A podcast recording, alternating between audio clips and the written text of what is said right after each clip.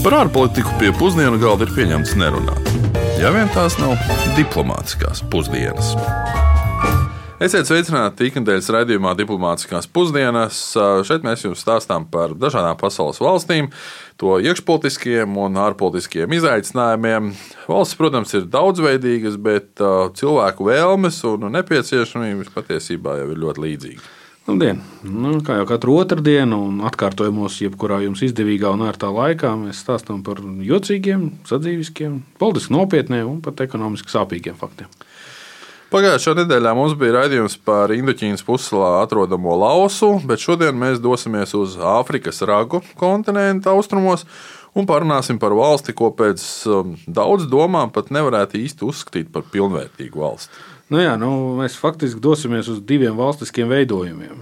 Uz Somālijas republiku un no tās patvaļīgi un nevienas citas pasaules valsts uh, neatzīti atšķēlušo Somālilendas republiku. Tās būs par to, kā viena tauta dzīvo visnotaļ dažādās valstīs. Jā, cik ļoti problemātiski ir Somālija dienvidos, tik uh, nu, cerīgāka varbūt ir uh, Somālilanda ziemeļos. Kā redzēsim, viss gan ir visai relatīvs. Nu, patiesībā labāk gan ir jāmin, ka Somālijas iekšienē kopš 1998. gada ir vēl arī autonomais apgabals Somālijas Puntlandes valsts. Tā gan necenšas iegūt savu de jure starptautisku atzīšanu. Bet ko par Somāliju ir dzirdējuši mūsu klausītāji, to mēģinājām uzzināt šeit, pat Vecrīgas ielās. Ar ko jums asociējas Somālija? Ar genocīdu, ar masveidu slepkavībām, kaut ko tādu. Es pieļauju, ka ir kaut kāda noziedzība. Es nezinu, godīgi sakot, nezinu. Ar Somālijas bēgļiem. Laikam, cits nekāda spēcīgāka asociācija šobrīd man nenāk prātā. Ar pirātiem. Ar, nezinu, ar kaut kādiem narkotirgoņiem un kaut ko tamlīdzīgu. Nu, vispār kaut kas ar kriminālo pasauli saistīts. Nu, ar, ar Āfriku un pirātiem. Laikam. Jā. Somālijas republikas moderno vēsturi jāsāk ar 1991. gadu un ar Somālijas pilsoņu karu, kurš faktiski vēl joprojām tā arī nav noslēdzies. Nu, vēl kaut paralēlis, cik ilgi Latvija ir neatkarīga, tik Somālijā ir pilsoņu karš.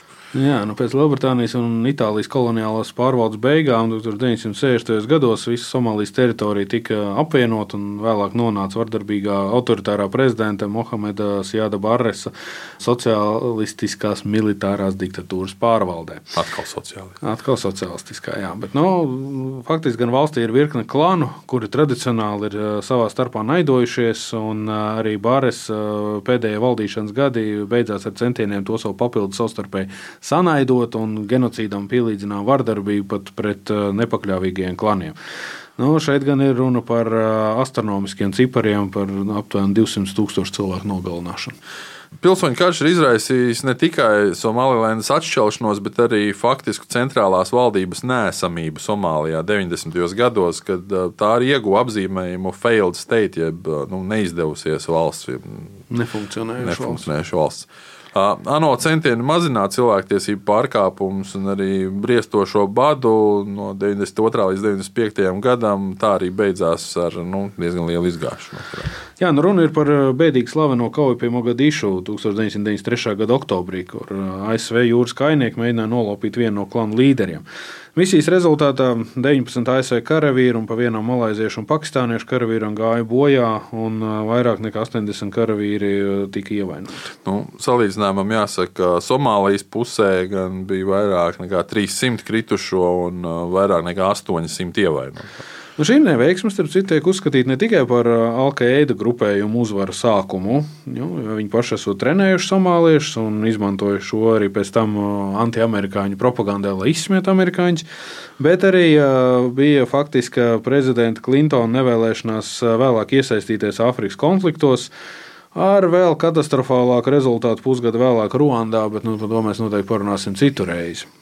Jā, kārtējs piemērs, kā viena situācija rada domino efektu ar, ar, ar ļoti tālajošām sekām. Nu, ja kādu interesē Mogadišu kauja detalizētāk, tad ir arī nemaz tik nesena, bet pat ļoti laba filma Melnais vanaks notriekts, jeb Black Hawk Down, kur tieši šie notikumi arī ir atspoguļoti.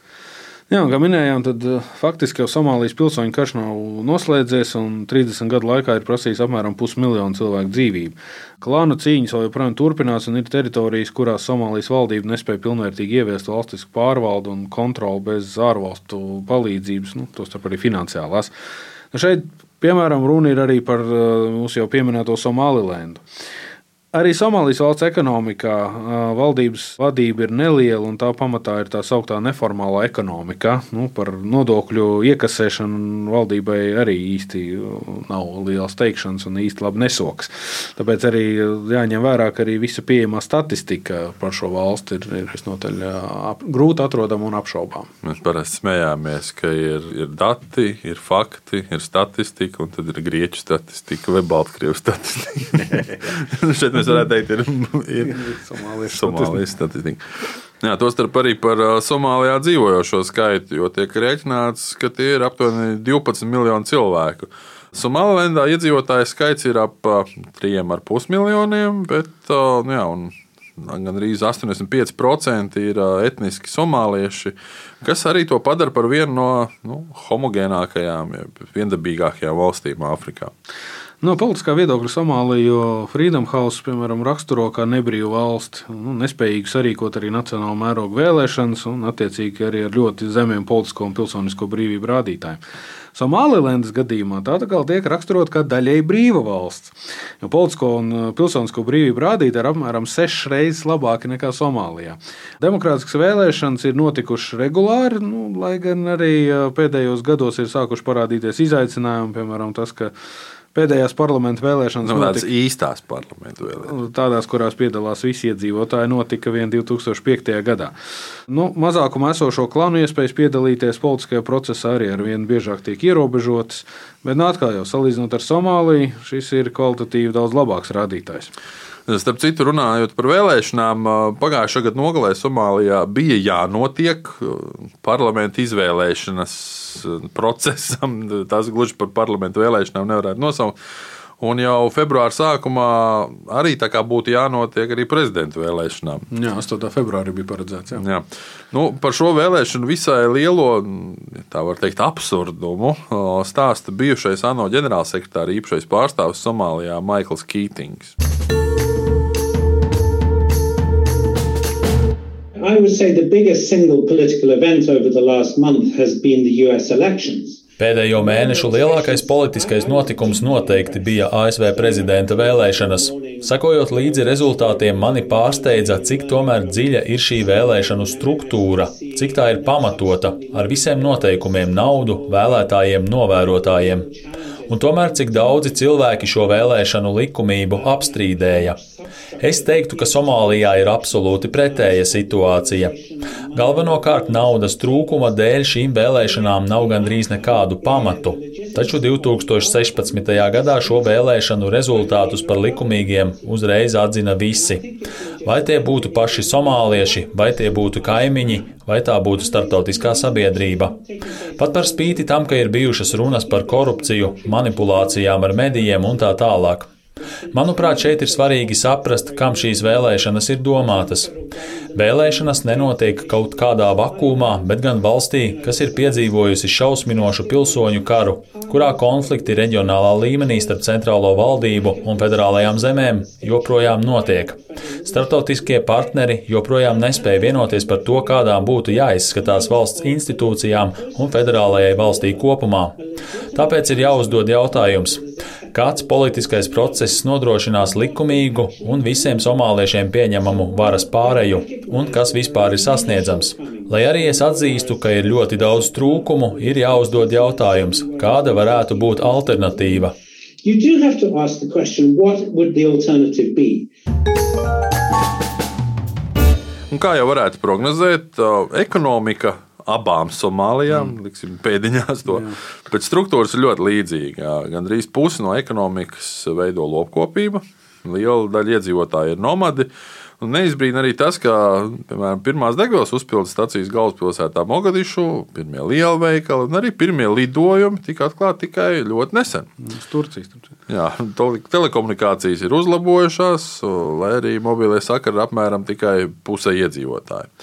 Somalilandes ekonomikai, līdzīgi kā Somālijai kopumā, būtiski ir ne tikai lopkopība un lopu eksports uz ārvalstīm, bet arī ārvalstīs, īpaši ASV, Eiropā, Persijas līča valstīs strādājošo sūtītā naudu uz dzimteni. Un šeit mēs varam arī atcerēties nesen pieredzēto bēgļu krīzi, kad ļoti daudzi ieceļotāji Eiropā bija tieši arī no Somālijas. Mm. Somāliešu diasporas nozīme ir ļoti būtiska arī vietējo privāto biznesa attīstībā. Tie gan pamatā ir dažādi nu, ikdienas pakalpojumi, naudas pārvedumi, telekomunikācija, zvejniecības aprīkojumi, tirzniecība un tā tālāk. Bet cik tad ir šī Somālijas ekonomika liela? Nu, pēc CIP datiem, nu, jā, centrālās izlūkošanas pārvaldes dati ir vienīgie, kas ir atrodami. Jo, laikam, informāciju par valsti savākt var tikai spiegi. Nominālais IKP ir apmēram 5,7 miljardi eiro. Kāda ir Latvijas rādītāja pēc šīs metodoloģijas? 28 miljardi eiro. Un, ja mēs sarēķinām IKP uz vienu iedzīvotāju, nu, tad Latvija ir apmēram 30 reizes bagātāka valsts nekā Somālija. Nu, tādēļ man reizēm ir ļoti nepatīkami dzirdēt, ka cilvēki mēdz teikt, ka Latvija ir tik briesmīga valsts un ka nabadzīgākā pasaulē un tam līdzīgi. Nu, vai tiešām vienmēr ir labāk tur, kur mums nav? Nu, visai loģiski, ka šie apstākļi ir noveduši pie vienas uh, visai bēdīgas slavenas problēmas, ko mēs esam piedzīvojuši pirms dažiem gadiem. Starp citu, par ko arī filmas ir uzņemts. Nu, jā, proti, pie Somālijas pirātiem, kas laikam bija pirmais, kas man ienāca prātā, kad tika minēta vārds Somālija. Pirātisma problēma Indijas okeānā ir bijusi būtiska. Arī ziņu virsrakstos par to arī daudz esam stāstījuši. Un, Izraisītājs ir visai loģisks. Tā ir nabadzība kombinācijā ar valsts varas trūkumu. Nu, droši vien vēl arī kombinācijā ar to, ka Somālija ir 3000 km gara krasta līnija, kas faktiski ir visgarākā no visām Āfrikas kontinentu valstīm. Nu, jā, šeit ir neliels precizējums. Tā ir no kontinentālās Āfrikas valstīm, jo garākā robeža ir Madagaskarai, kas ir sala. Bet, nu, tas, tāds, tas ir pilnīgi tāds atkāpe. Bet tu pareizi teici, tā ir kontinentālā Āfrika. Bet, ja mēs turpinām par pirātismu, tā pirmsākuma, protams, ir jāmeklē līdz ar pilsoņu kara sākšanos 90. gados, jo tiklīdz valstī nebija valdības, nebija arī, nu, kas sargātu valsts teritoriālos ūdeņus. Un, un tas izraisīja arī to, ka ārvalstu kuģi devās nelikumīgi zvejot uz Somālijas ūdeņiem. Tika diezgan papostīti zivju resursi, un vietējie zvejnieki saskārās ar to, ka nu, iztikt kļūst ar vien grūtāk. Līdz ar to viņi sāka sevi aizsargāt. Ko viņi darīja? Ieņēma ārvalstu kuģus, un tas pakāpeniski kļuva par tādu pastāvīgu nodarbi ar ķīlnieku sagrābšanu. Nu, tas jau ir tagad jau ikdienišķi pašsaprotama nodarbošanās. Nu, Tik ļoti, ka vēl pirms dažiem gadiem somāliešu pirāti organizējās vairākās laivās ar granātmetējiem un klašņiko automātiem. Nu, tā ir diezgan konstanta situācija valstī, kurā ir pastāvīgi bijis karš. Šie resursi ir ļoti pieejami. Jā, un, un, un bieži vien uzbruk starptautiskiem kraukuģiem. Un tiesisks mehānisms viņus apturēt nebija, tādēļ transporta kompānijas sāka turēt uz kuģiem bruņotu apsardzi un pārplānot maršrutus. Nu, viens no saudabīgākajiem stāstiem, protams, ir 2010. gadā, kad Krievijas pēcnaz atguva vienu no sagrābtajiem Krievijas tankuģiem. Atgūšanas laikā viens pirāts eh, gāja bojā, tika nogalināts. Pārējie desmit tika palaists brīvībā. Nu, vienīgais, ka neviens no viņiem tā arī līdz krastam nav, nekad netika. Jā, Krievija, protams, nebija vienīgā. Arī citas valstis aktīvi sāka cīņu par Somālijas krastu uzraudzību. Tostarp arī tika izveidota īpaša NATO misija, jo vietās, kur likuma uzraudzība nenotiek, nu, nelikumības plaukst un zeļ. Un, piemēram, Britu laikraksts Times vēl 2005. gadā ziņoja, ka, kas ir interesanti, itāļu mafija caur dažādām aizsegu kompānijām. Jā, aizsegu kompānijām bija sākusi toksiskos atkritumus gāzt arī Somālijas piekrastē, nu, ne tikai pašas Itālijas piekrastē. Jā, nu, padaudz mēs šodien tās problēmas uzskaitījām, bet nu, tā tas notiek, ja cilvēki ieņem kategoriskas pozīcijas un no tām neatkāpjas pat nacionāla mēroga katastrofu dēļ. Nu, mēs arī zinām, nepieminējām terorismu problēmas un uh, cīņu ar Al-Qaida lojālajiem Al-Shabaab uh, islāmistu kaujiniekiem, kuri pat uh, Islāma valstī pateica, starp citu, nē, nu, tāpēc Islāma valsts darbojās atsevišķi. Nu, un šī gadījumā Al-Shabaab pamanoties iekasēt pat vairāk nodokļos naudu, nu, vai reketā naudu nekā centrālā valdība. Starp citu, arī no tiem pašiem pirātiem. Starp citu, 2018. gada jūlijā grupējums Alšababa aizliedza plasmasas maisiņu lietošanu tās kontrolētajās teritorijās. Nu, ņemsim vērā, ka piemēram, Eiropas Savienībā nav plasmasas maisiņu pilnībā aizliegta. Mm. Un, jā, patiešām tas viss tika darīts vidas aizsardzības nolūkos. Viņa esot vienīgā ekstrēmistu grupa Somālijā, kur atzīstot Covid-19 eksistenci. Nu jā, šis viss izklausās eh, visnotaļ jokaini, bet um, iemesls gan ir gluži vienkāršs un pat uh, savā veidā triviāls. Jo nu, vienkārši ir sabiedrībā pieprasījums pēc kārtības un pēc vadības varas un drošības vakums, ko islāma ekstrēmisti cenšas aizpildīt uh, Somālijas sabiedrībā. Nu, pēc tā ir diezgan liels pieprasījums, un viņi vienkārši nodrošina to, ka, ko cilvēki grib. Nu, te, protams, arī ir jā, nu, jāmin fakts, ka pirms dažām dienām ASV karaspēks, kas gan nodarbojās ar oficiālās varas karavīru trenēšanu, cīņām pret šiem ekstrēmistiem, tika lielā, lielā ASV karaspēka izvešana no dažādām pasaules vietām plāna ietvaros, izvests arī no Somālijas. Tāpēc līdz ar to šobrīd ir pamatīgi pieaugušas bažas par stabilitāti valstī un to, kā attīstīsies tālāk viņas politiskā un, un, un ekonomiskā dzīve. Lai cik būtu paēdis, vienmēr ir vieta arī desertam. Deserts pēc tik garām un pamatīgām pusdienām atkal prasās īss maziņš tāds uzkodiņš. Cepumiņš. Ja? Nu, es tev piekrītu. Tādēļ es pat teiktu, ka divi cepumiņi. Viens par Somāliju kopumā, un otrs par Somālilendu. Nu, sākšu ar otro. Ar um, to, ka Somālilenda atrodas unikāla alu zīmējuma. Proti, Lāsas gēla ir alu veidojumi netālu no Somālijas galvaspilsētas Hargeisas, un tajos ir atrodama viena no senākajiem zināmajiem alu zīmējumiem Āfrikā. Tiek rēķināts, ka tie varētu būt no vēlīna akmens laikmeta, no neolīta perioda un pat vairāk nekā 20,000 gadus veci. Nu, atklāja gan tos tikai 2002. gadā. Gleznojumos ir, kā var iedomāties, ir attēlot lielopi ceremoniālos tērpos, pieradināts suns, žirafes un cilvēki. Gleznas ir labā stāvoklī, jo tās dabīgi aizsargā arī granīta pārkaras. Par pierādinātiem dzīvniekiem runājot, es gribētu pateikt to, ka Somālijā dzīvo aptuveni 20% no visas Āfrikas kamīļiem. Tiek rēķināts, ka pasaulē ir 35 miljoni kamieļu, un 7 miljoni no tiem dzīvo tieši Somālijā. Tā tad piektā daļa. Turklāt tie arī esot visbrangākie visā kontinentā, nu, ap 800 kg sverot. To arī var saprast, jo, kā jau teicām, aptuveni 65% somāliešu ir lopkopi kamieļu kopi. Starp citu, lasīju arī, ka kamieļu gaļu Somālijā jādod arī ar spageti. Bet, nu jā, šodienas raidījums bija otrais pasmagais mums pēc kārtas, un tādēļ nākamajā nedēļā jau dosimies uz dabas ziņā skarbu vietu, bet parunāsimies gan droši vien par dzīvnieciņiem, par ledājiem, par dāņiem. Dosimies uz Grenlandi. Atgādināšu, ka šo raidījumu varat klausīties arī nedaudz garākā versijā, atkārtojumos Latvijas Rādio 1 mājaslapā un savos ērtākajos mūzikas straumēšanas servisos. Uz sadzirdēšanos! Lai izdodas! Diplomātiskās pusdienas katru otrdienu pusdienos Latvijas Rādio 1.